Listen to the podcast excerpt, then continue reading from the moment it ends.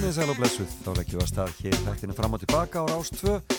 Ég heiti Felix Bergson og sitt með ykkur eins og vennilega fram að tíu fréttum.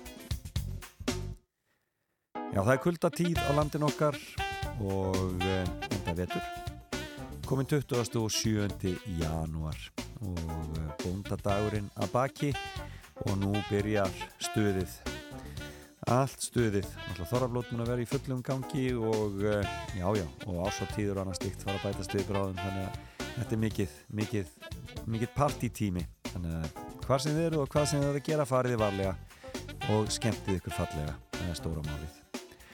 En við ætlum að gera það hér á lögadagsmotni, hafa það hugulagt skemmt okkur fallega og fá góða viðmælendur í heims og fyrsti gestur mér hér í fimmunni eftir smá stund heitir Áskell Heiðar Áskelsson og uh, hann er einn af þeim sem stendur að baki uh, bræðslunni að borga fyrir eistri uh, og hefur komið að ýmsum viðbörðum í gefnum tíðina og ég held að að, að fimmannans verði einmitt fimm viðbörðir sem að hafa haft áhrif á lífans Áskell Heiðar eins og áður sæði frá borga fyrir eistri en býr á söðurklokki heyrum betur af honum hér á eftir og svo eftir nýju þá ætlum ég að fá gæst til mín uh, úr Bíóparadís, hún heitir Hrönn Sveinsdóttir og er framkvæmastjóri þar. Og það er svo mikið í gangi í Bíóparadís, ég ætla bara að fá hana til að koma og segja okkur aðeins að því hér. Bara til þess að hvetja þá sem að eru bíóáhuga menn áfram. Það er svo gaman að fara í bíó og uh, ég skilst að eftir eftir að við erum að koma út úr þessu COVID ástandi sé bíó aðsókn aftur að glæðast af vísu höfum við mist aðeins bíó en þeir segja til dæmis í Fraklandi að þessi bíó aðsókn sé að glæðast mjög mikið þar í landi og vonandi fer það að gerast hér líka. Og þá er bíóparadís mjög góðu kostur. Við heyrum betur af því hér á eftir nýnir hrönn. En nú er að renn upp söngvakeppnistími. Náttúrulega búið mikið rætt og ritað en um það allt saman en uh, ég ætla nú ekkert að vera að bæta neinu inn í þá umræðu, ég ætla bara að hafa það eins og ég hef haft á þessum tíma ás í þessum þætti að spila alltaf eitt lag gammal lag og söngvakefninni hér í byrjun þáttar. Og svona stundum að finna eitthvað svona sem að kannski heyrist ekki mjög oft en eh, að vísu ætla ég að byrja á svona lagi sem að er vinsælt og e, e, fekk heilmikla spilun og uh, kom heimilistónum svona almennilega á korti Þetta er Gustaf Farjó og Enn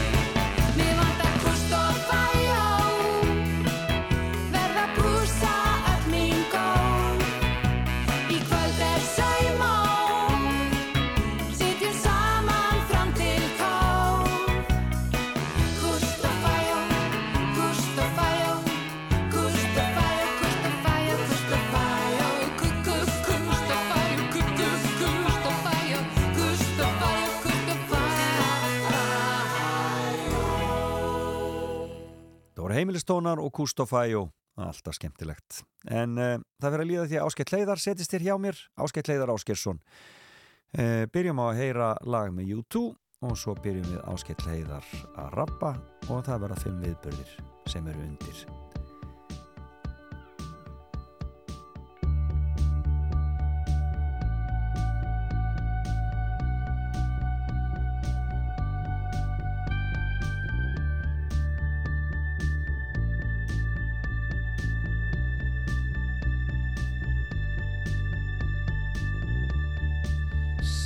stone set in your eyes. See the thorn twist in your side. I'll wait for you.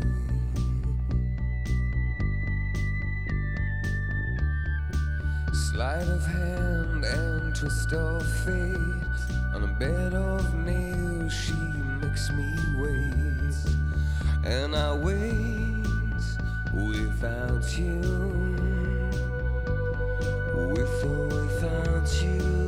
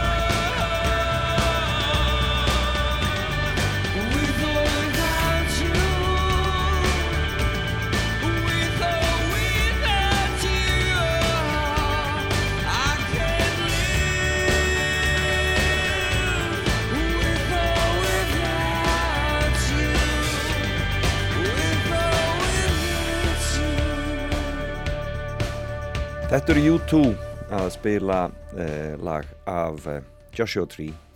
With or Without You eh, er það og þetta er val viðmálata minn sem er sestur hérna hjá mér Áskell Heiðar Áskersson, velkomin. Þakka þér fyrir, fyrir.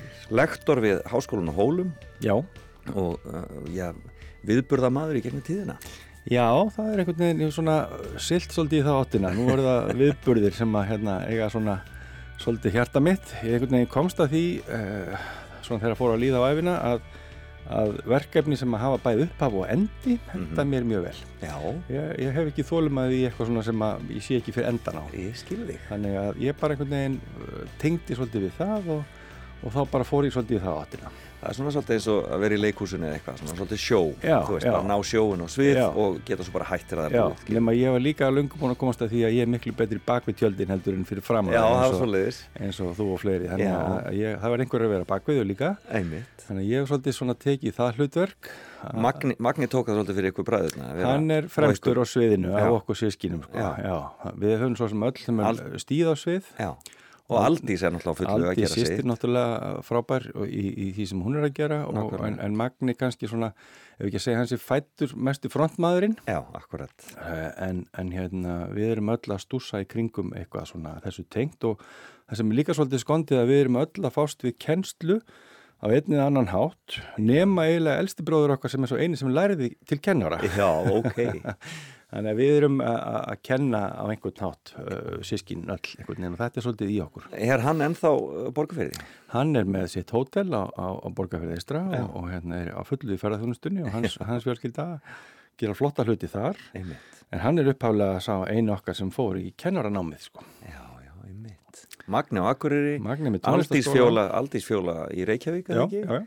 Og þú á Söðakrúki. Ég og Söðakróki sko. Þú sagði mér þegar áðurum við byrjum að þú hefði verið, sér búin að vera hætt í 32 ár, nýmættur bara. Ég skrapp hann í framhaldsskóla. skrapp hann í framhaldsskóla, þetta var nú svona eina af þessum djúbitri ákvörðunum sem maður tekur þegar maður er 17 ára gammal. Já, akkurat. Sækja um á, á hérna, Söðakróki, Selfossi og Akranissi sama dag. Já, Svo bara hringt á króknum og, og, þar er ég enn. það er stöðn. 30, já, það er að vera 34 ára núna á þessu ári. Það er útrúlegt. En það er náttúrulega því að, að þar fylgdi náttúrulega skólagöngunni mín indislega eiginkona sem, sem beð mín þar. Að Þess vegna er ég nú þar. Pikkaðu upp á fyrsta degi. Já, svona næstu því. en ef við hittist þetta fljóðlega að við erum búin að vera þarna meira en minna síðan komum alltaf aðeins yngar til að menta okkur en, en svo erum við bara kunnum við mjög vel við okkur í skagafriðinum, hún Vala Bára heitir, heitir hún og er, er skagafriðingur í, í hjúð og hár. Já. þannig að lægið er tekið við allur sportið svona með regluðu millbili já já já, já, já, hún syngur þetta miklu betur en ég sko. já, akkurat það er svo leiðis heyrðu en áskill við hérna, eh, allum á fimmuna þína og fimmann þín eru fimm viðburðir.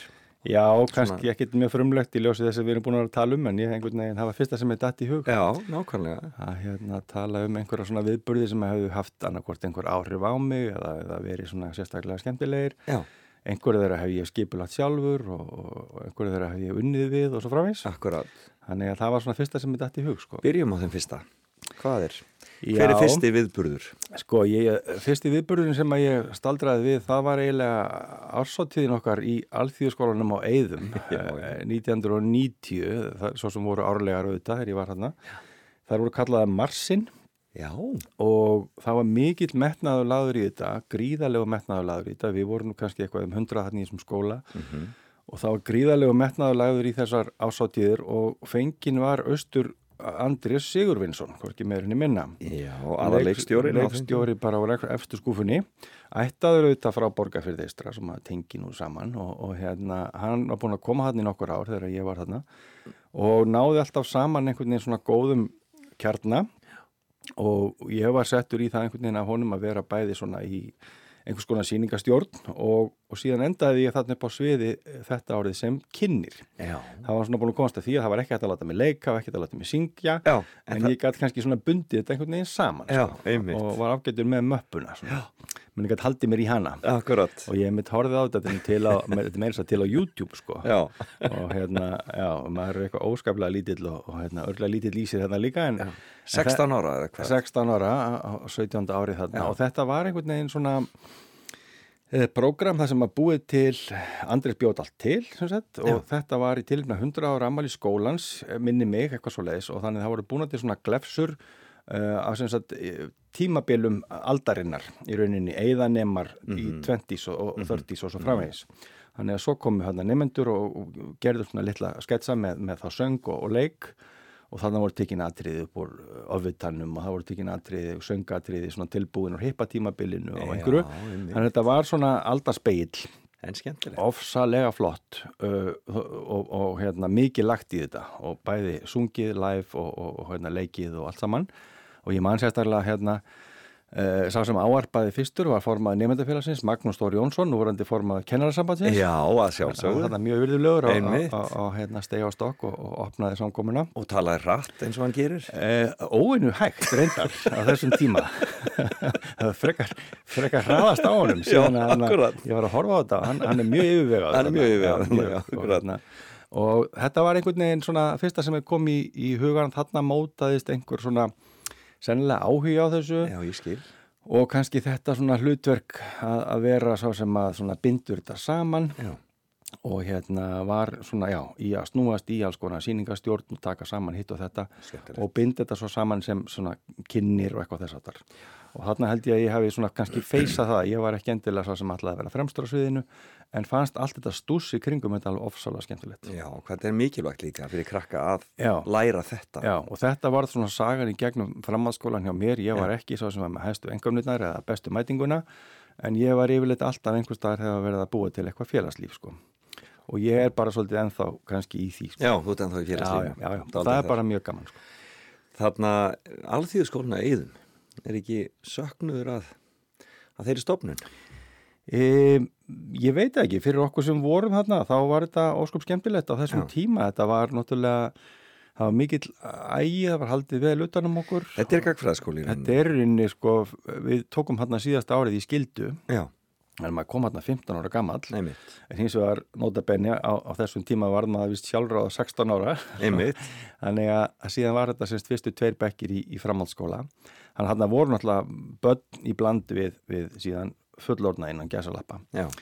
En þetta var ofsalega góð tími og, og hérna, þessi hér að skólar sem voru á þessum tíma gerðu held ég á mörguleiti gott. Þarna komu líka nefnendur sem hefðu kannski ekki alveg náða að fóta sig annar staðar voru ég uh, sendir að sunnan eða maður til segja sem svo Einmitt, og, og þannig kynntist við líka skemmtilegu fólki sem að koma og náði svona að fóta sig betur. Já, akkurat. Og þarna myndaðist náttúrulega vinskapur við fólk sem maður ennþá í, í bara miklu sambandi við.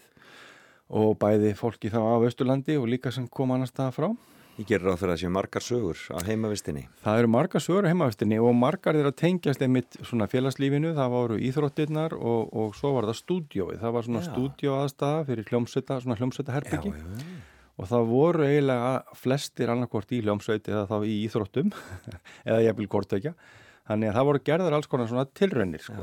og, og þarna einhvern veginn Já, uh, ég hugsa allavega til þessa tíma með mikill í lífus og eins og gengur auðvitað voru einhverju sem eiga ekki eins goða minningar, Nei, bara eins og alltaf já. og þetta var auðvitað svolítið svona einangraður heimur en, en, en ég veit ekki hvort þetta myndi fungera í nútímanum Nei, en, en á þessum tíma þá allavega á ég goða minningar já, frá, frá eðum. Það er gott að hýra. Næsti viðburður? Já, næsti viðburður, það er hérna þegar ég var búin að ljúka framhaldsskóla göngunni á, á Söðakróki mm -hmm 1993, 20, þá fannst mér algjörlega frábær hugmynd að ég ætti bara skilið eftir þessa afreg, ljúkastóðinsprófunu, að splæsa á mig tónleikaferð Já. til uh, Írlands að sjá goðin mín sem að hér sungu aðan og einu svona hljómsveit æskuminnar uh, YouTube og mér fannst frábær hugmynd að kaupa mér þá tónleikaferð sem var nú held ég reyndar farin á vegum bylgunar ef ég man rétt, Já. ég held að Þorgeir sjálfur Ástvaldsson hafi bara verið sko, hérna, allavega var hann held ég leðsugumæður og það var einhver hópur sem fór hérna að sjá U2 í Dublin á heimavelli í hérna, ágúst 93 ég ætla nú ekki að segja ég hef kannski átt fyrir þessari færið endilega og þetta var kannski ekki endilega fjárhastlega skipur hérna, hérna gáðilegast ákvörðin sem ég hef tekið. En, en ég borgaði hann nú þá bara upp einhvern tíma setna en, en Þetta var náttúrulega ótrúleg upplifun að koma hann allt í hennu sveita strákurinn inn á sko 50.000 manna völl og sjá goðinn með einu augum og uh, bara algjörlega einstök upplifun. Uh, og, og hefur svo sem ekkert svona tónlistalega auðvitað verið toppuð síðan þó að margt hefur nú sem betur fyrr gert skemmtilegt. Og svo einhvern veginn náði ég að spinna utan á einhverja svona fáranlega hluti eins og að sagt, það voru tvenni tónleikar þarna. Ég átti miða á, á fyrir tónleikana og fór á þá og allt eins og þetta vera. Ég var þarna niður á gólfi þá og, og bara stórkoslegt svo var ég eitthvað að vafra hérna við völlin daginn eftir þegar voru aðri tónleikar og þá fannst mér frábær hugmynd að kaupa bara miða á svörtu eins og maður áður þetta að gera fyrir Já, utan, utan völlin kefti miða fyrir svona, þó nokkuð pening af einhverjum fólki bara um það leiti sem tónleikarnir voru að byrja uppbytunabandi búið. Og, og ég er náttúrulega inn í hlið og, þar bara taka mótið mér öryggisverðir og ég held náttúrulega bara þarna í dögnarbleika fyrir allir bara með mér í steinin sko, Já. ég kefti einhvern falsaðan miða eða eitthvað sko. en enni þá var ég leittur hérna í einhver ægilega fína stúku. Og þetta verið einhver svona corporate, svona fyrirtækja miði sem verið að selja hérna bara svörtu og og ég inn í einhverja stúku og lappa bara inn og sest þarna á allra besta stað í bara, ekki kannski heiðustúku en svona eitthvað svakalega fínt boks og þá byrjaði bara að spila sko, þannig að ég fekk að sjá tónleikana frá svona öðru sjónarhóttni og, og hérna já, þannig að það var alls konar svona einhverja litla hliðasögur en já.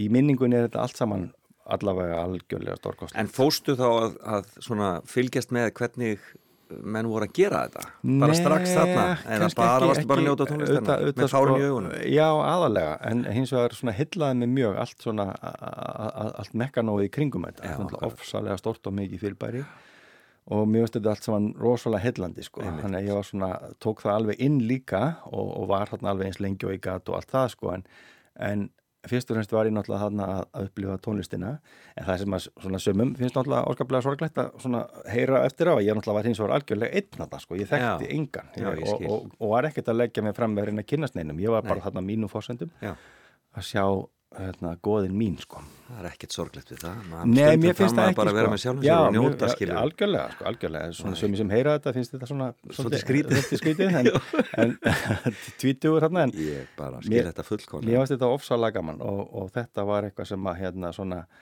e, já, hefur alveg staðið með mér. Þó ég hafi farið reynda setna að sjá það aftur í, í, í Dublin og í góðum félagskap þá sko og, og rosalega gaman líka. Og hefur reynda að sé það á víðar og, og allt það þá var þetta einhvern veginn svona hápunkturinn samt alveg, einhvern veginn, búin að vera að hlusta á það þannig að ég var svona 13-14 ára og, og einhvern veginn að standa svo þarna e, sveita maðurinn einn þarna í, í, í, í hópnum sko. Ég held við munum öll eftir svona fyrstu tónleikur svona fyrstu alvöru já, einhvern veginn. já, já svo e, ef þetta á annar borð sko hreyfir eitthvað við þér þá mannstuðu þetta sko. Alla tíð. Já. mínir voru sko utangarsmenn í hagaskóla þegar ég er 13 ára það er náttúrulega svakalegt. Það var svakalegt, já, það var eins og það hefði verið valtaði um hann og bakkaði um hann eftir og kyrtsu um hann það var bara þannig. Maður, þeir voru náttúrulega í rauninu á heimsmæri hvað sko, það er önnur saga. E, þriðja þriðja viðburðin já, svo spólu við nú aðeins áfram sko, og, og hérna auðvitað geti maður uh, talað um einhverja svona persónulega viðbörði, ég fóð nú ekki kannski alveg þangað. En, en hérna 2002 þá hérna var ég einhvern veginn komin í, í þá stöðu að vera farin að vinna og búin að menta mig og farin að vinna á kroknum og Já. bara allt í besta. En alltaf auðvitað með svona borghverðingin á, á aukslinni og, og, og langað alltaf að gera eitthvað svolítið heima. Uh, fóreldra mínir þá auðvitað heima og, og svona taugarnar og tengingarnar alltaf fangar og kannski meira hjá okkur sem að tilherum svona litlum og, og skrítnum minnhlutahópi heldur en hjá mörgum öðrum sko, einhvern veginn svona, þurfum svolítið að standa saman og ég ákvaði að búa til hérna, með mjög góðum hópi, ég ætla nú alls ekki að fara að egna mér þetta allt saman, en við gerðum hérna, með mjög góðum hópi kjærvalstofu að borga fyrir Eistra, svona minningarstofu um Jóhannes Kjærval og ég fekk að leiða það verkefni og var svona -hmm. verkefnastjóri þar. Og Kjærval var semst upp, uppalinn á borgarfyrði, ekki reyndar fætur en hann var uppalinn á borgarfyrði eistra og, og hafði alla tíð mikla taugar þangað og fór þangað og málaði og Einmitt. sótti þangað svona ákveðin inspirasjón og það var lengi búið að standa til að gera eitthvað með minningu hans á staðnum Þannig að þetta var hann um aldamótin og það var svona uh, menningaborgin Reykjavík og það var svona verið að tala svolítið um menningatengta ferðarþjónustu og alls konar svona spennandi hluti. Og peningar í gangi. Peningar í gangi, uh, menningaborgar sjóður og, og hérna við svona uh, fórum inn á þennan, uh, já, stigum inn á þetta og, og þetta, uh, þessa periódu og fórum í þetta ferli að fá peninga og byggðum hann upp þessa uh, stofu og okkur tókst að sameina sem var mjög jákvægt og skemmtilegt á þeim tíma fjölskyldu Kjærvals og, og listasafn Reykjavíkur. Já. og var hérna með indislegu fólki, Kolbrúnu Kjærval og Jóhannesi Heitnum mhm, Kjærval mm -hmm. og, og hérna barnabönnum hans. Og síðan eh, var Eiríko Þorlagsson frá listasafn Reykjavíkur svona mín stóð og stýta með, með þeim sískinum í þessu. Þannig ég var svona allt í einu einhver sérfræðingur í, í sögu Kjærvals uh, uh, og við náðum að búa til hérna með hjálp Jóns heitins Þórissonar, leikmyndateknara Já, einmitt. og, og hérna sem hafði nú þetta skemmtilega viðnefni Jón Mínus Akkurat. indislegu maður sem því miður fjallt frá uh, allt og snemma hann, Hann dró nefnilega frá, sko. hann dró frá og var þar leðandi í mínusinn sko. indislegu maður og hann, hann hérna átti heiðurinn af því hvernig þetta leiti allt saman út Já. hann sett hannaði útlitt síningarinnar Já. og var svona alveg mín hægri og, og nánast vinstri hönd í þessu og við opnuðum þessa stofu uh, 22. júni 2002 Mhm.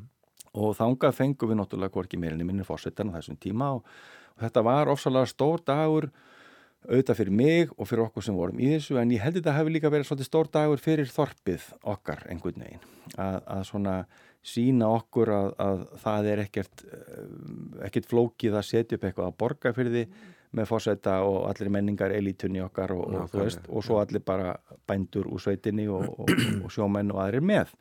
Og allir einhvern veginn saman. Já. og þetta er enda svolítið svona í mínum anda, ég hef löngum svona haft það orð á mér, mér finnst ekkit endilega eitthvað merkilegur að tala við eh, hérna fórsetan eða, eða, eða sko einhvern úr sveitinni, skilur Akkurat. það er mér varst svo ofsalega falleg hugmynd einhvern veginn að allir væri þarna bara saman. Og ég á myndir frá þessu og maður horfir yfir smekkfullan salin þarna þegar verið að opna þetta, þá var einhvern veginn svona pínusúrealist að sjá þarna hlið við hlið svona uh, alþingismenn og, og, og, og, ráþæra fórsætta uh, menningar eh, fólk og Reykjavík og síðan bara bændur og sjóminn og sveitinni. Þannig að þetta var ofsalega góðu dagur. Sólinn skein og bara indislegu dagur og ég var mjög góða minninga frá þessu ferli öllu. Svo þróaðist þessi stofan og þannig að hún er að, að mikið hluti af henni er ennþá uppistandandi í hérna, kaffihúsi á Borgarfjörð sem er alveg kaffi Mhm. þar sem hægt er að skoða þetta þó hún sé ekki rekin lengur sem svona einhver, einhver sko ferðamannastaður Ég skil, já. Eh, það reyndist nú ekki vera mikil kannski ekstra grundöldur fyrir því á svona heilsásbasis en, Akkurat. en ég er samt mjög ánæður að mér skildum gera þetta Já. og ég ætlaði svona aðeins að eiginlega hérna stela eiginlega þriðja viðburðir um næstu því inn í þetta því að, Ókei. að svona e, það sem að kom svo út úr þessu var að við heldum áfram að vinna með Kjarval Já. og árið 2005 þá voru 120 orliðin frá fæðingu meistarans og þá var þessi kjarvalstofa ennþá í, í svona funksjón og við Akkurat. ákvaðum að halda afmælisháttíð kjarvals á borgarfyrði e, í júli reyndar, hann afmælistafurinn er nú í, í oktober. Já. 23. júli 2005 þá heldum við viðburð á borgarfyrði og ég fengum þanga frábært fólk úr, úr hérna aftur úr menningar svona geiranum og, og, og hérna Ragnarður Steindós, hans, hans Jónsson heiða kom og las hérna ljóð Kjarvals og, og heimamenn með og við fengum hérna fólk sem kom og talaði um Kjarval og svona má, má ráðstefna, málþing eitthvað Já. og svo ákvaðum við að slúta þessu með tónlistaviðburði uh, sem er svona svolítið í okkar anda. Við þurfum alltaf að halda tónleika eða Akkúrat. eitthvað, eitthvað ball í lokin. Og það var ákveðið að einhvern veginn, ég mann ekki hvernig það var nákvæmlega til að, að hérna ég varð úr að ég talaði við Emilianu Torrini sem að er uh, mikil vinkona mín. Í dag var þá svona kunningekona mín úr, úr æsku. Já. Því að hún var líka hluta úr sinni æsku á borgarfyrði eins og Já, kjarval. já, átti þarna ömmu á tímabili og, og var svolítið þarna og, og, Ok. og, líkt og kjarval sótti svona ákveðni inspirasjón í, í staðinn. Þannig að það varð úr að hún kom á borgarfjörð og spilaði og hún gerði eina kröfu þegar ég talaði við hana að hún vildi ekki spila á einhvern svona alveg hefbundnum stað. Hún vildi fyndi eitthvað svona pínu Skemmtilegt hús. pínu svona skrítið. Og það varð úr að við tæmdum allt út úr gömlu bræðslun okkar sem var búin að standa þá full af rusli í einhver 30 ár Einmitt. og heila svona geimslu húsnæði og hún spilaði þarna 23. júli 2005 í sagt bræðslunni e, algjörlega svona rátt bárjáðshús og sviðin við riggaði upp úr körum og brettum sem voru í húsinu Akkurat.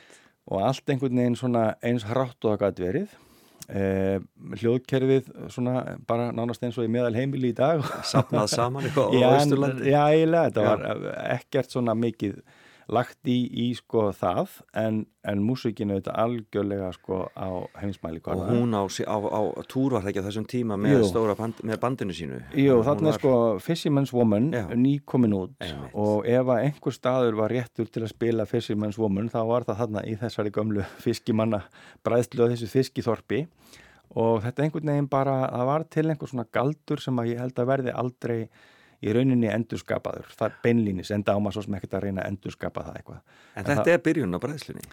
Já, það, en, en það stóð aldrei til að búa til eitthvað tónlistarháttíð eða engin, notaði engin orðið bræðslan eða eitthvað, þetta var bara, var bara tónleikar sem átti að vera þetta eina kvöld og svo bara gerist einhver galdur og þú ræður ekkert alltaf, þú getur ekki framkallaðan, getur ekki búið hann til, hann bara verður til og þá auðvitað fór allir að segja heyrðu þetta er einhvað sem við þurfum að gera aftur sko.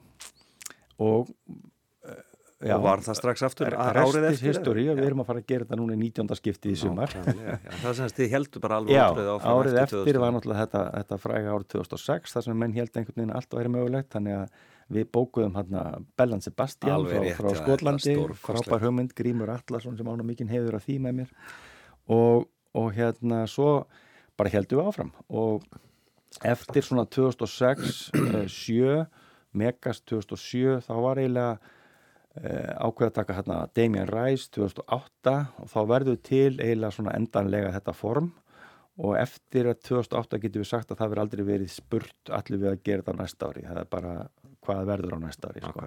og þá verður svona til þessi þessi hátíð, Bræðsland sem hefur auðvitað fyllt mér og Magni kemur svo inn í þetta með mér 2008 og hún hefur svona fyllt mér auðvitað og er auðvitað orðin mjög stór partur af svona mínu lífi, má segja. Nákvæmlega, og fólk elskar. Við skulum heyra Emilínu og taka okkur smá pásu. Tökum Sönni Rót og svo höldum við áskilliðar áfram smjalla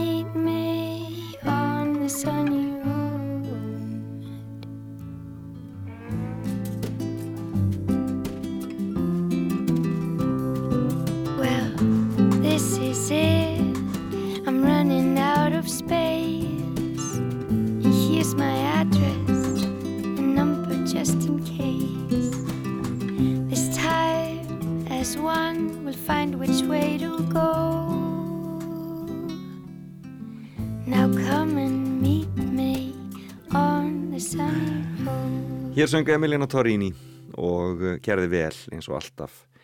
Sönni rótar lægið og þetta tengist e, fimmunni hjá viðmælata mínum í dag sem heitir Áskell Heiðar Áskesson og e, já, þetta tengist byrjunni á Bræðslunni árið 2005. E, þetta hefur náttúrulega verið alveg makalust þarna, þessir, þessir tónleikar.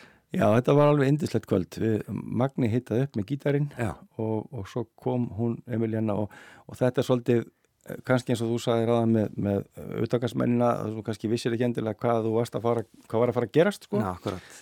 Eh, Það vissi ég lengin hvað var að fara að gerast en svo bara einhvern veginn gerðist Og svona. hún náttúrulega á svo vel við hana líka þessi svona ró og þarna hún er svo dásanleg hún nær, nær bara einhvern veginn að Já, þetta var líka bara, sjálfa sig, já, sko. var líka bara einhvern veginn andin hérna inni, sko, eldri borgararnir í þorpinu sátt og stólum fremst, þetta var ekki eins og þetta hafi verið, nú er þetta orðið auðvitað meira svona, það er alveg, hérna, já. fremst og svona.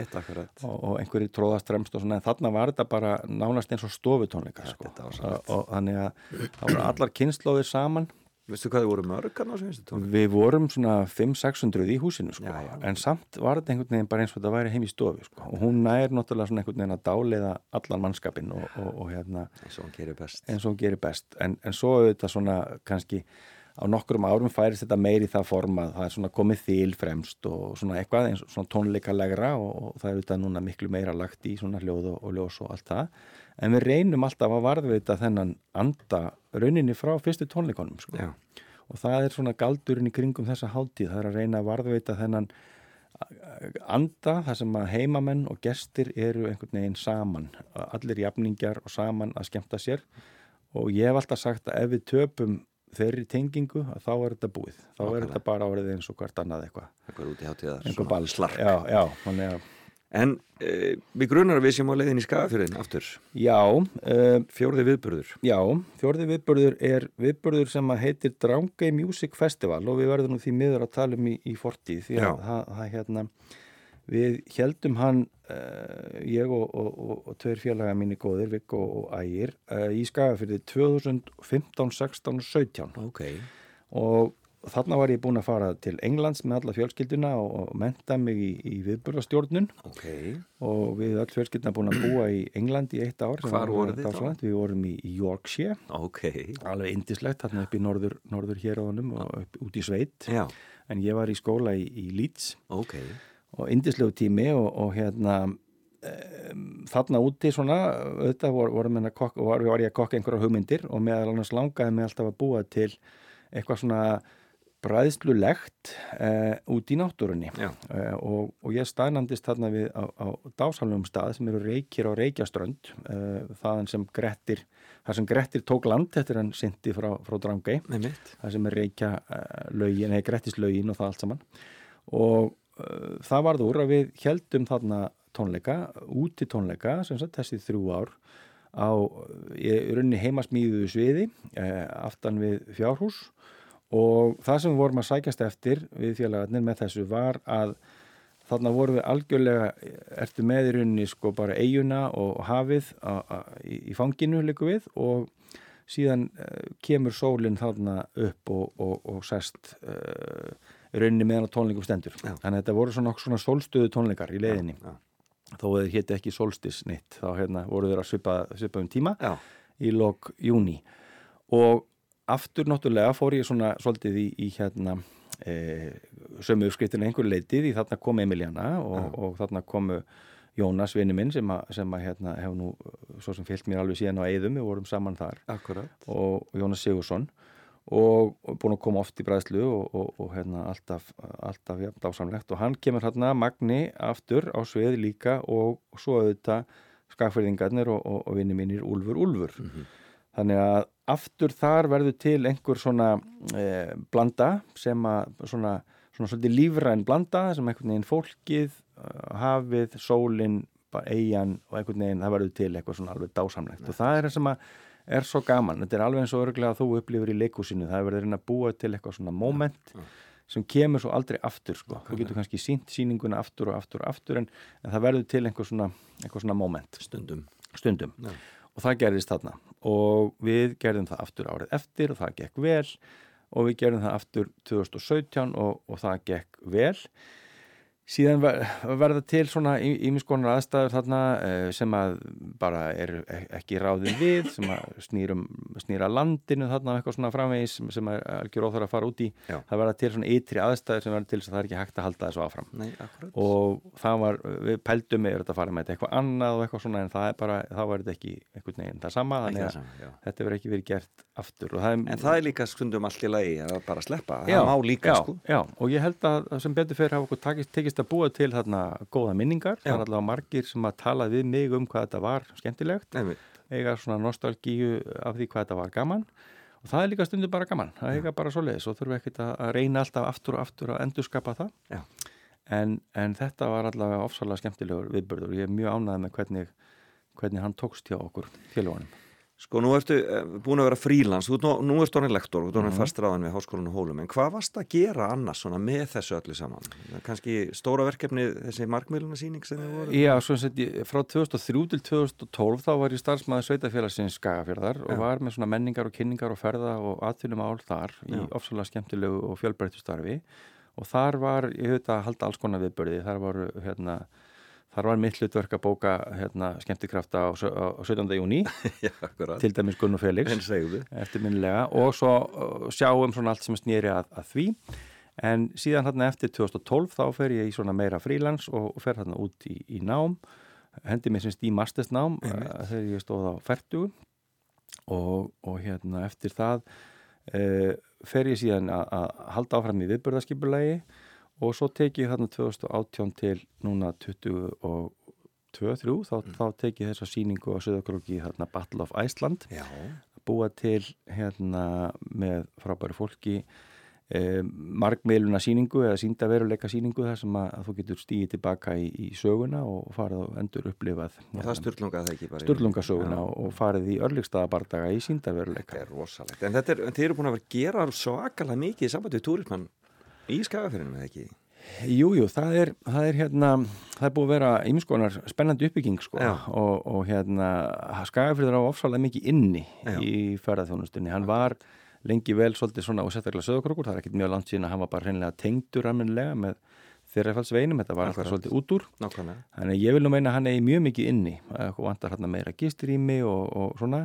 Ég er alveg samfærður um á næstu árum þá, þá mun hann stíga ennþá sterkar inn Svona, svona falin perla. þegar svolítið. ferðamenn fara svona meira að dreifa sér um landið en, en það búið að gera fullt af flottum hlutum hann og, og til dæmis bara áður nefndur Viggo vinnu minn alltaf er með frábæra siglingar út í Drángei Já. Og margt annað sem væri hægt að nefna hann rafting og ímislegt skemmtilegt Akkurat, sem er. Já. Og svo mikið gert með söguna. Já, mikið auðvitað mikið sögu hér að byggðarsafnið í Glömbæn alltaf frábær staður og, og, Akkúrat. og vestufara sittur í Hofsósi og, Nákvæmlega. og fullt af, af flottum sögustöðum og, og flottri afþreyingu en það eru líka margi staðir hérna sem að eiga ímislegt inni sko. Kanski hólar. en eins og hólar, klárlega og það er einmitt vinna í gangi núna við að lifta þeim svolítið sem sögustað Já, þeir eru auðvitað eiga mikið inni Síðasti viðburður. Síðasti viðbörður tengist nú kannski svolítið hólum og, og því sem ég sagði á þannig ég fór þarna þessu tímabili 16 á tján svolítið í að vera frílans í, í viðbörðum og tók að mér að vera framkvæmtastjóri landsmóts hestamanna Já, já. Sem Sem, var að- átjón eða eitthvað. sem var 2016 á hólum og svo aftur var ég framkvæmtastjóri hjá Fáki hér í Reykjavík 2018 Já.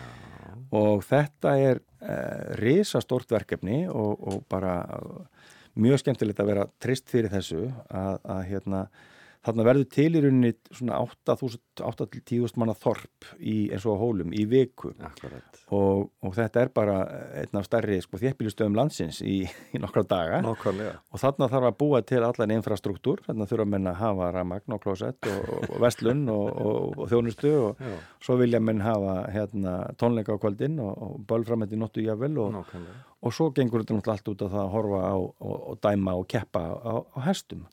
Þannig þetta var ofsalega spennandi verkefni og, bæði, bæði þessi mót uh, skildi eftir mikið að skemmtilegu minningum og kynntist mikið að skemmtilegu fólki og, og þetta var náttúrulega köplum svona algjört brjálaði sko. Já, ég held að hérna, trúið ég valla sjálfur en ég held að til og með síðustu þrjár vikurnar fyrir mótið á hólum þá var ég bara upp á hólum í bjó sko í 30 minútna fjarlægð Já. en ég fór ekki heim sko. ekki tegum. það var bara svolítið þannig og ég veit ekkit af hverju Lagðir þið við blánóttun? Já, þetta var einhvern veginn svoleiði stemming sko og, og hérna unnið bara þarna svona já, já, eins og þetta gerist stundum en ofsalega lærdomsrikt og skemmtilegt og, og hérna og alls, og alls ekki traumatískar minningar tengt að þessu? Alls ekki, veðrið svo sem leka ekki við okkur en, en alls engin, engin trámi en auðvitað sko þurftum að takast á við alls konar hluti og, og gerðum það. Og óbáslega gaman að finna þegar svona massin kemur saman uh, og, og, og leysir bara hlutina, það er rosalega skemmtileg tilfinning. Dásanlegt. en svo gerðum við líka eins og þarna á hólum 2016 þetta er sumarið sem að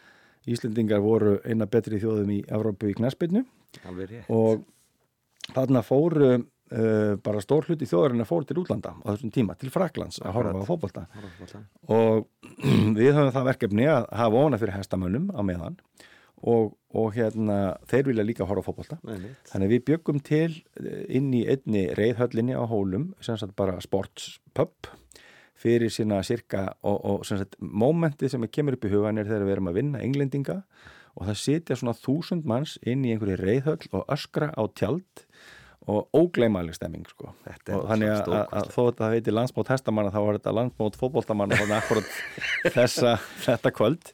Þannig að það er alls konar svona litlir hérna, lítil mómentin á milli rosalega skemmtileg. Og svo fæ ég að gera þetta aftur hérna í Reykjavík 2018 með frábæri fólki líka. Þannig að að þetta er mjög skemmtilegur hérna, vettvangur en nota benni ég hef ekki hundsvit á hestum sko, Nei, og einhverjum engan áhuga á hestum. Og þetta snýr ekki eh, eh, mörgum fannst þetta svolítið skrítið að ég var eitthvað að fara að skipta mér að þessu en, en ég held að sumuleiti hafi þetta bara verið ákveðin kostur því að, að ég var þá allavega að gleyfa mér í brekkunni Nei, akkurat, akkurat, mjög gaman að horfa á það fallegir hesta og svona allt það en ég er ekki að missa míninum nördisma þar, það er bara aðrir í því. Um en ég var svona að reyna að hafa alla þræði í hendi og vera þarna svona ofan við þetta og hafa einhverju yfirsýn. Og þetta er mjög spennandi og skemmtilegt. Uh, nú er mót aftur í, í fáki í, í sumar og svo kemur mótið í hóla eftir tvö ár. Þannig að, að það eru spennandi tímar líka framöndan þar sko. Tíminn hlaupum frá okkur eins og alltaf þegar gaman er að spjalla. Bræðslan að vera tilbúin fyrir þetta ár?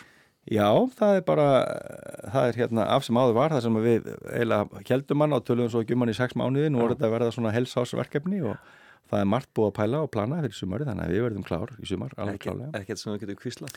Eh, ekki svona í útvarp allra landsmanna, hins vegar verður auðvitað útvarp allra landsmanna með okkur eins og alltaf, Rástöð er einn af okkar bestu samstagsæðilum, þannig að þetta verður auðvitað allt í benni á Rástöð og í sjónvarpinu, þannig að að það mun enginn missa af en, en, en við viljum fá hérna góða gæsti í sumar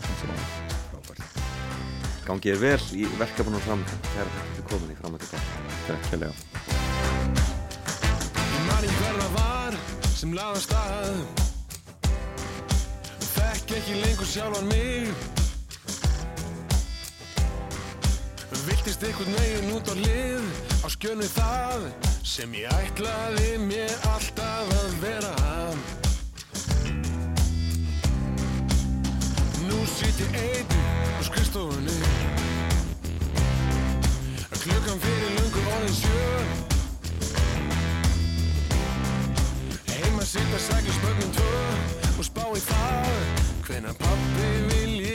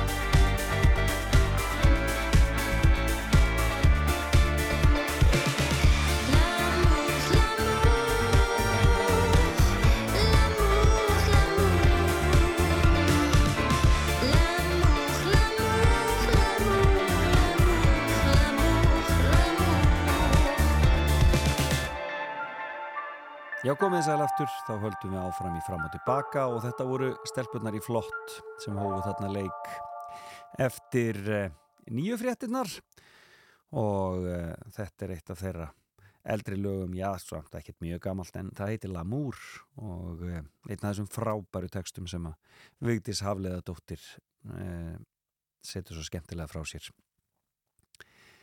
Já, það er, var gaman að fá Áskil Heiðar hér í spjall í morgun, þann kraftmikla mann, nóg í gangi hjá honum og uh, spennandi hlutir í gangi alltaf og það verður gaman að sjá hvað þeir gera í samtu við bræðsluna á næsta ári, hvernig hún á eftir að verða.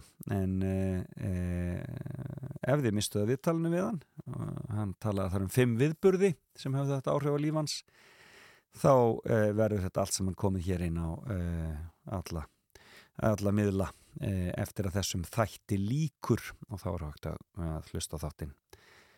Og svo náttúrulega líka bara hægt að skrolla tilbaka sko, ef þið eru að hlusta á þetta núna í, live í, hérna, í appinu til dæmis. Þetta er orðið svo sniðut allt saman maður getur bara fært sér fram og tilbaka. Þetta er ekkert línuleg dagskrá er eitthvað sem að heyrir svolítið sögurinn til. Er nú þannig En það verður að líða því að hún setjast hérna hjá mér, hún Hrönn Sveinsdóttir og hún ætlar að eh, aðeins að segja okkur af því sem er að gerast inn í eh, Bíóparadís.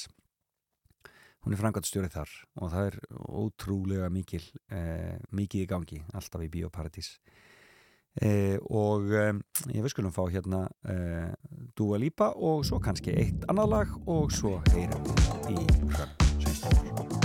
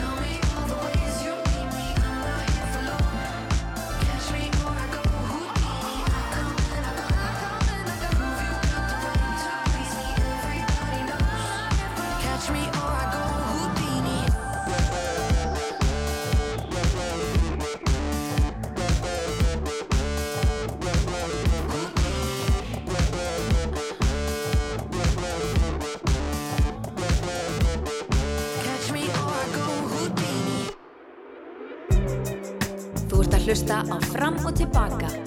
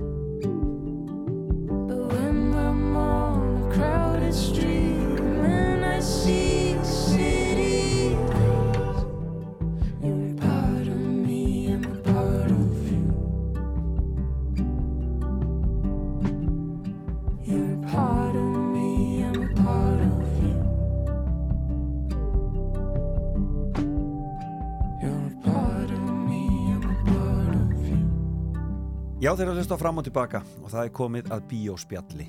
Hún er sest hjá mér Hrann Sveinsdóttir í Forsvíðismanneskja og framkvæmdastjóri Bíóparadís. Velkomin. Takk fyrir það. Þarna e, þessi tími ársins, janúar, er þetta ekki mikill biotími?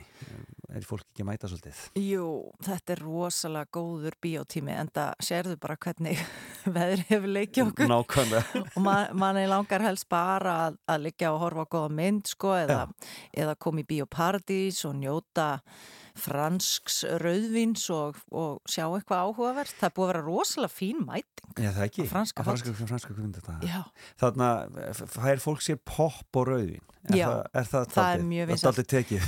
vinsælt, en það er besta poppið. Ég, ég, ég er á því að það ríki ykkur þöggun Um, í hvað- um hvað popp? poppið í bíó? Ég er alltaf að segja, blaðamenn, geriði blindsmökkun? Já, ég, ég treysti mér í hvaða samanbur sem er. Það er styrla gott popp. Já, það er svo gott er og þú veist, það er gott með rauðvinni, það er gott með bjór, það er líka bara gott með, þú veist, ég fæ með kaffi og popp. Já, og ég borða popp á hverjum degi og ég er stálslegin, það er svo gott fyrir meldingun og gott fyrir húðuna. ég veit ég að fór Madonna í megrun og borðaði bara popp, það var mjög frækt hérna ekkert. Ég bara trúi 100% á ég, ég, ég var næstuði farin í þetta líka, sko. Heyrðu, en þetta er, þetta er náttúrulega, bíópartís er, er svolítið samfélag. Já. Og, þarna, og það er svona ákveðin hópur sem sækir, en finnst þér sá hópur fara stækkandi? já hann Við- gerir það. Mælið þetta eitthvað? Við, sko, því miður erum ekki með neinn vísindaleg tæki en, Nei. en við erum náttúrulega í því, sko, við erum náttúrulega markvist í því að bjóða sem flesta velkomna og við höfum gert svona ákveðin, á, við erum með áttak í því, við höfum náttúrulega bætt uh, aðgengi fallara og verið með síningar sérstaklega fyrir fólk með skinn, úrvinnslu vandamál eins og ókei. einhverfa og Já.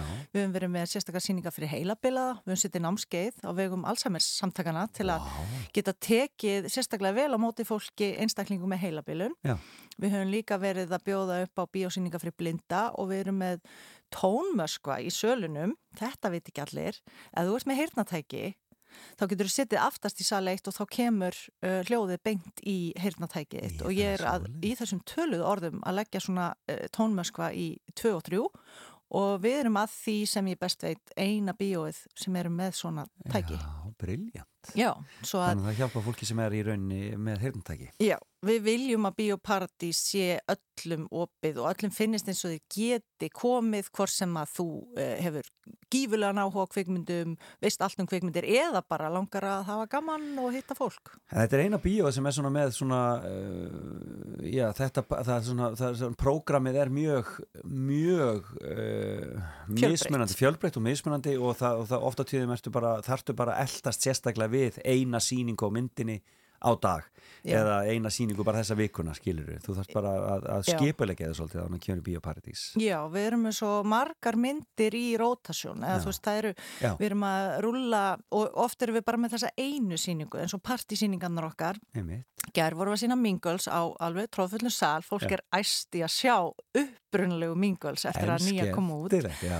og hún verður aldrei hérna, þreytt en við erum, við erum með partísýningar á föstugum og svo erum við alltaf með hérna, annarkvæmt sunnudag, svarta sunnudaga einmitt, og svo erum við með bioteki og það eru, veist, það eru myndir sem eru bara síndar einu sinni nákvæmlega en já, það er mjög fjölbreytt program og við erum bara, það er alltaf nýjar kvikmyndir á hvernig degi sko. Briljant. Sko, það eru franski kvikmyndadaga mm og þú ert ánað með mætinguna. mjög svo. Og það er búið að vera það er búið að vera svo mikið stuð. Já. við vorum með hérna, opnun á mynd sem heitir Kall náttúrunar á fimmdægin Ok. uh, og vorum að gefa snirtuveru í bóði Lositan og þetta var svona konukveld. Nema, nema kallarnir voru velkomnir af því að þeir voru þarna til að læra eitthvað.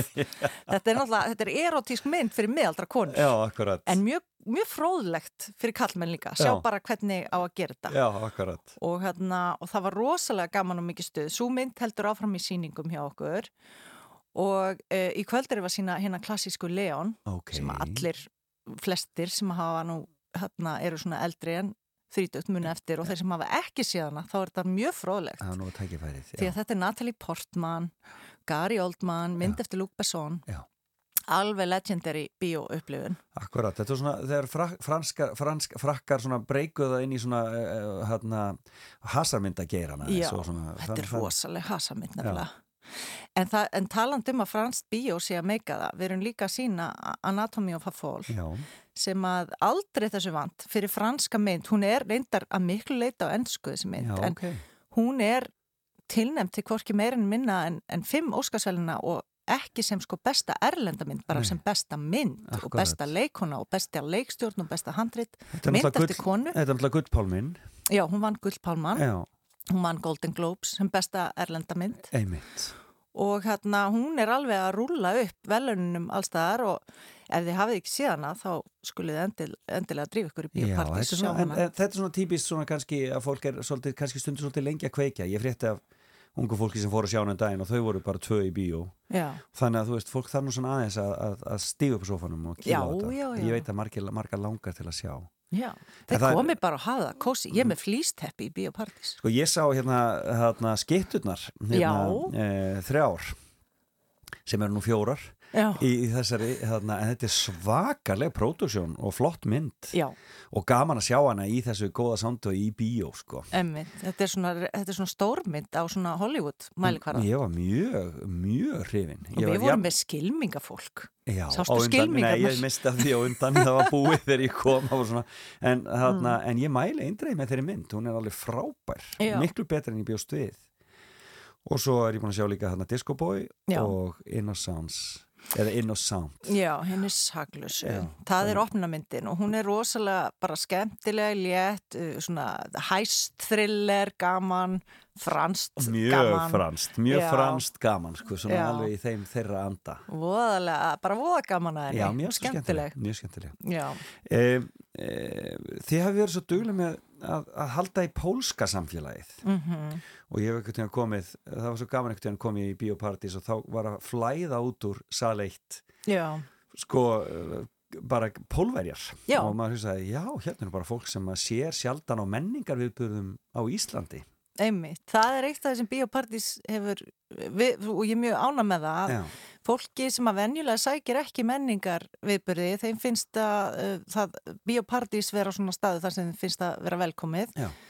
Um, með pólsku myndirnar, það er náttúrulega bara alveg geggjað. Við, þarna, það er stórt bíó, eh, mjög stór svona bíó Mjög bí- bíóhefð. Já, og við erum að sína nýjar pólska myndir á sama tíma og þær eru að koma út í Pólandi. já, Svo að pólverarnir mæta og við erum með sko sérstakann Facebook-hóp sem er, tala bara pólsku og við erum með Ókei. jafnvel ölsingar á pólsku og sérstakann uh, pólskan bjór og við höfum gert ímislegt þegar við erum með mjög vinselar pólskar myndir þá höfum við verið með hana, sérstakar pólskar veitingar og, og drikki og annað. Já, og svo eru náttúrulega uh, pólskur skóli á Íslandi það sem að börn sem eru alast upp af pólskum uppruna á Íslandi þeir fara og, og læra móðumálið um helgar og við erum, uh, reynum að fá þá krakka líka og sína þeim pólskar uh, kveikmyndi fyrir börn. Já, Já.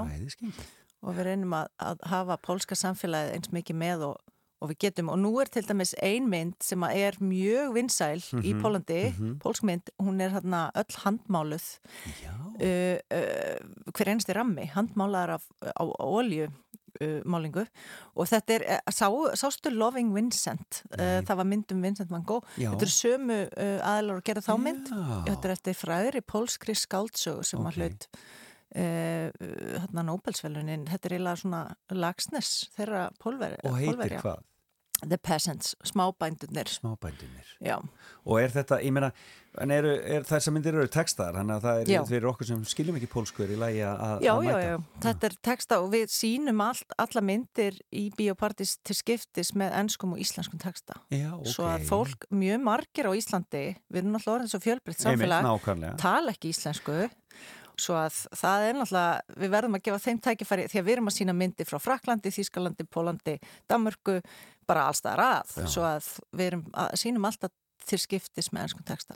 Óglemlega þegar kanadísku vinnum minn fóru að ákvaða að sjá Farvel frilla mín, hérna, Farewell my concubine, hérna kínversku í Bíóparadís, en hún var með íslenskun text og hann skildi. Æ. Að, það var endalega, það skildi ekki neitt, sko. Aha, er ægilegt. Já, já, nei, nei, Ægilegt. svona er þetta. En ég verða að minnast á biotekki sem eru Já. alveg frábærir, frábæra Hvað sýningar. er það, já? Er það? Það eru síningar á vegum kvikmyndasaps Íslands Ókei. og eru einu sinni eitt sunnudag í mánuði Já. í biopartís og núna á sunnudaginn verða sínda palestinskar myndir. Já. Bæði stuttmyndir og svo myndi fullri lengt um, og ég hvet alla sem að vilja hérna, kynna sér bara meira um palestinst samfélag og menningu og sögu að, að kíkja á þessa myndir í biopartís á sunnudaginn. Þetta er sínt á líka hérna, við, við rukkum niðugreitt verð, það er bara helmings, það er helmingsafsláttur á meðverði Ok, og þetta er alveg mjög áhugaverðar og góðar myndir Nákvæmlega, Þar. akkurat, það er nú aldrei í sömurðinni þessa dagana. Já, það er, það er kannski alveg, það er mjög sorglegt sko að, að þarna horfa upp á eitthvað sem er örglega núna búið að jafna við jörðu. Nákvæmlega. Já, En það er á sunnudaginn, það í er og þið er það alltaf, hvað er það, einu sinni í mánuði? Það er einu sinni í mánuði. Já, Við erum með þetta allt á heimasíðinu svo þið getið kynnt ykkur Ég- síningar sem framöndan eru. sáum við þetta morðsaga er að koma þar inn Já, svo mynd eldist vel. Já. Ég verð að segja það. Það er skemmtilegt Það er eins frumstæð og íslensk, sko þessi mynd er gerð fyrir stopnun íslenska kvikmynda, Já, sem svona sagt, áður en kvikmynda vorið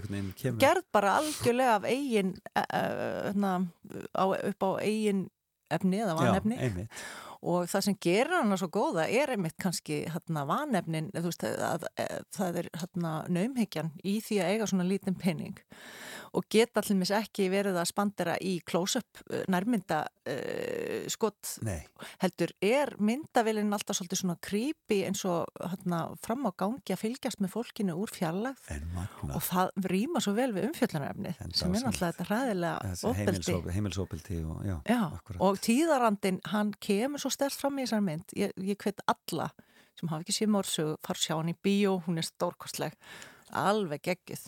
Þetta er dásamlegt. En þið sem eigið börn, Já, endilega komið í bíópartís í dag, við erum bæði að sína uh, mynd sem að heitir Litla gengið já, og er hérna er mynd sem að frönsku nemyndur völdu sem bestu frönsku kvikmyndir og þetta er svona frönsk, svona stand by me ok. mynd. Og svo erum við með mynd líka sem er teiknumynd eftir hann hann Michel Ocelot. eh, kannastu við þarna Kirikou myndnar Já, Galdranornin, einmitt, já, einmitt. það er sáhöfundur við erum með nýja mynd eftir hann í síningum í dag. Hrönn, það er, er endalust við bara hvetjum fólk til að fara inn á Facebook síðu hérna, Bíóparadís og, og líka bara heimasíðuna bíóparadís.is Mhm. og hérna, svo er þið náttúrulega alltaf líka inn á kvikmundi.is þannig að það er, þú veist, eða hérna inn á hérna, hvað er það kvikmundavefnum það er mjög öðvöld að finna síningarna þar líka og tjekka á því sem er í gangi. Það er alveg nóg að, um að vera. Skulum enda þetta með Charlotte Gainsbourg af því að þetta er nú að því að nú franski dagana. endilega. Takk fyrir spjallið og gangi ykkur vel áfram í Bíóparadís. Takk kærlega fyrir það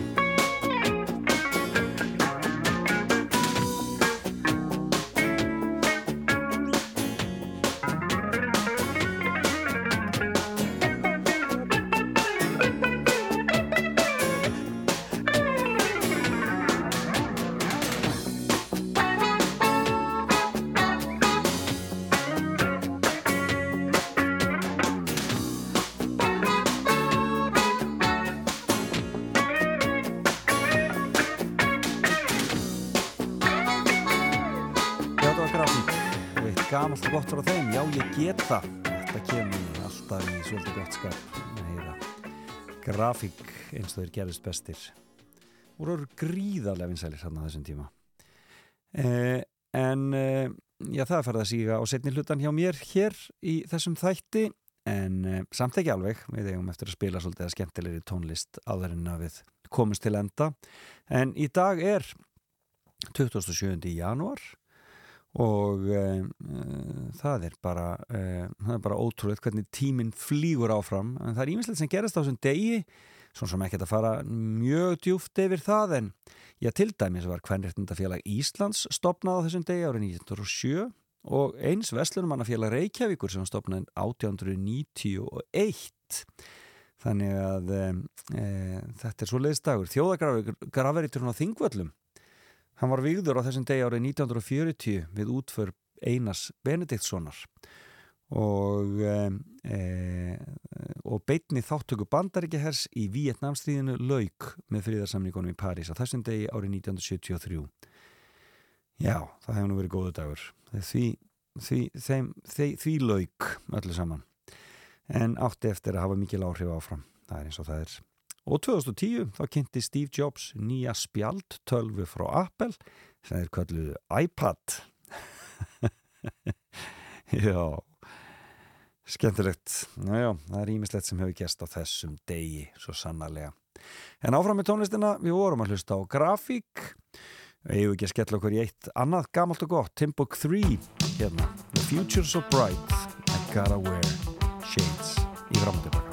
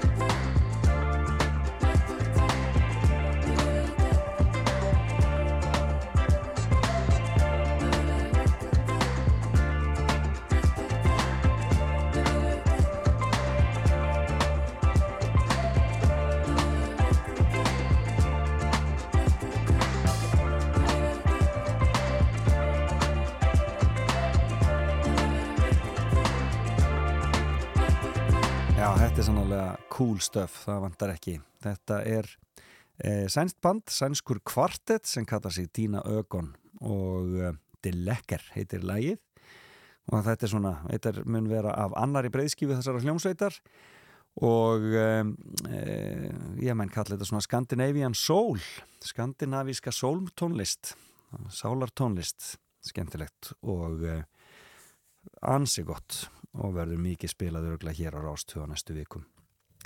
En ég ætla nú bara að fara að kveði ykkur. Þakk ykkur fyrir samfélgina þennan morgunin og sérstaklega við mælundum mínum sem að voru þau Hrönn Sveinsdóttir, framgættastjóri í Bíóparadís, hvet ykkur til að tjekka á dasgráni þar og dasgráni í öllum bíóum og uh, njóta þess að fara í bíó núna á þessum uh, köldu vetrardögum sem við eigum. Um, fullt í gangi í Bíóparadís, alveg þess við að tjekka á því og uh, svo var hann Ásker Kleiðar hjá mér hér í morgun. Og hann er Áskersson enda bróðir Magna og fleiri.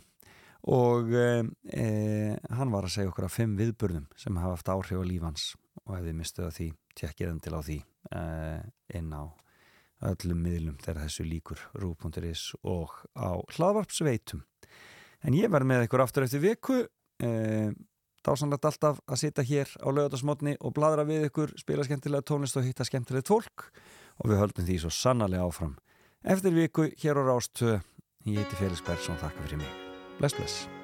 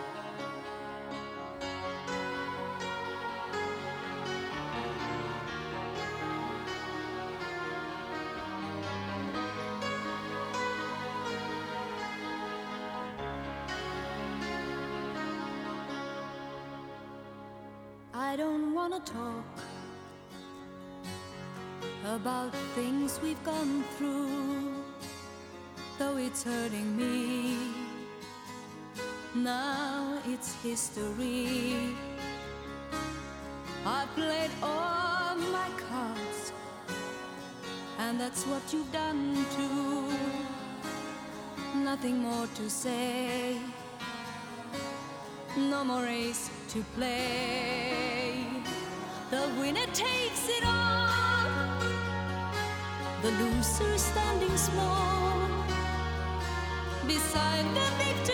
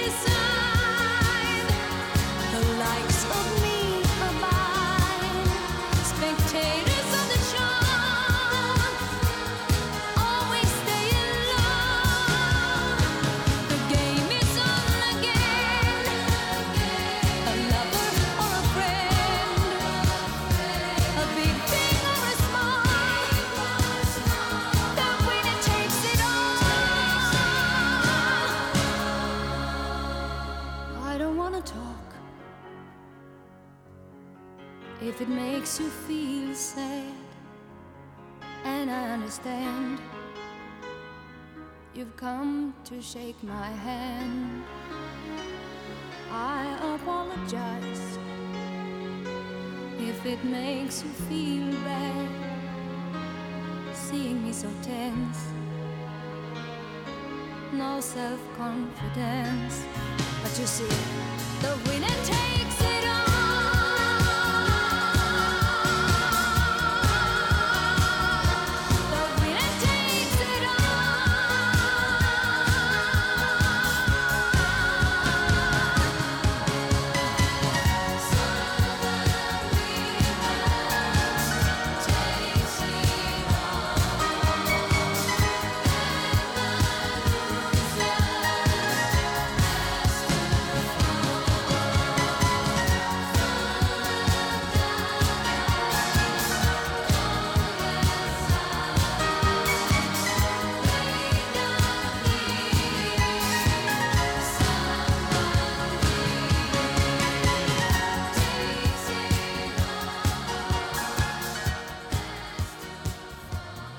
Góðan daginn Ísland. Fram og tilbaka á Rástvö.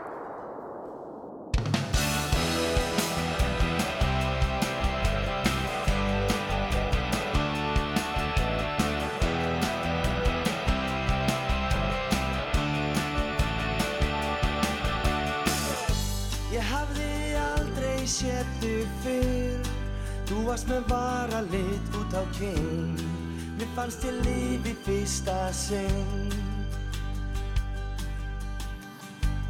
Fallegt brosið kveikti í Mjúkar varir mæltu orð.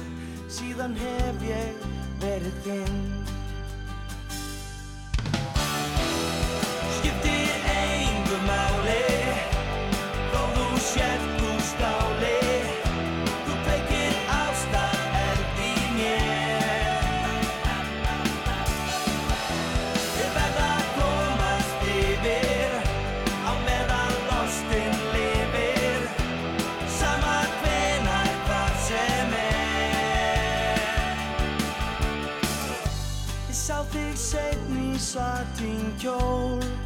stóðst og talaðir við tvo Og þóttist ekki takk eftir mér. Í gegnum reikinn færði mér nær Mér tókst að töfra fram hjá þér brós Ég horfi beint í augun á þér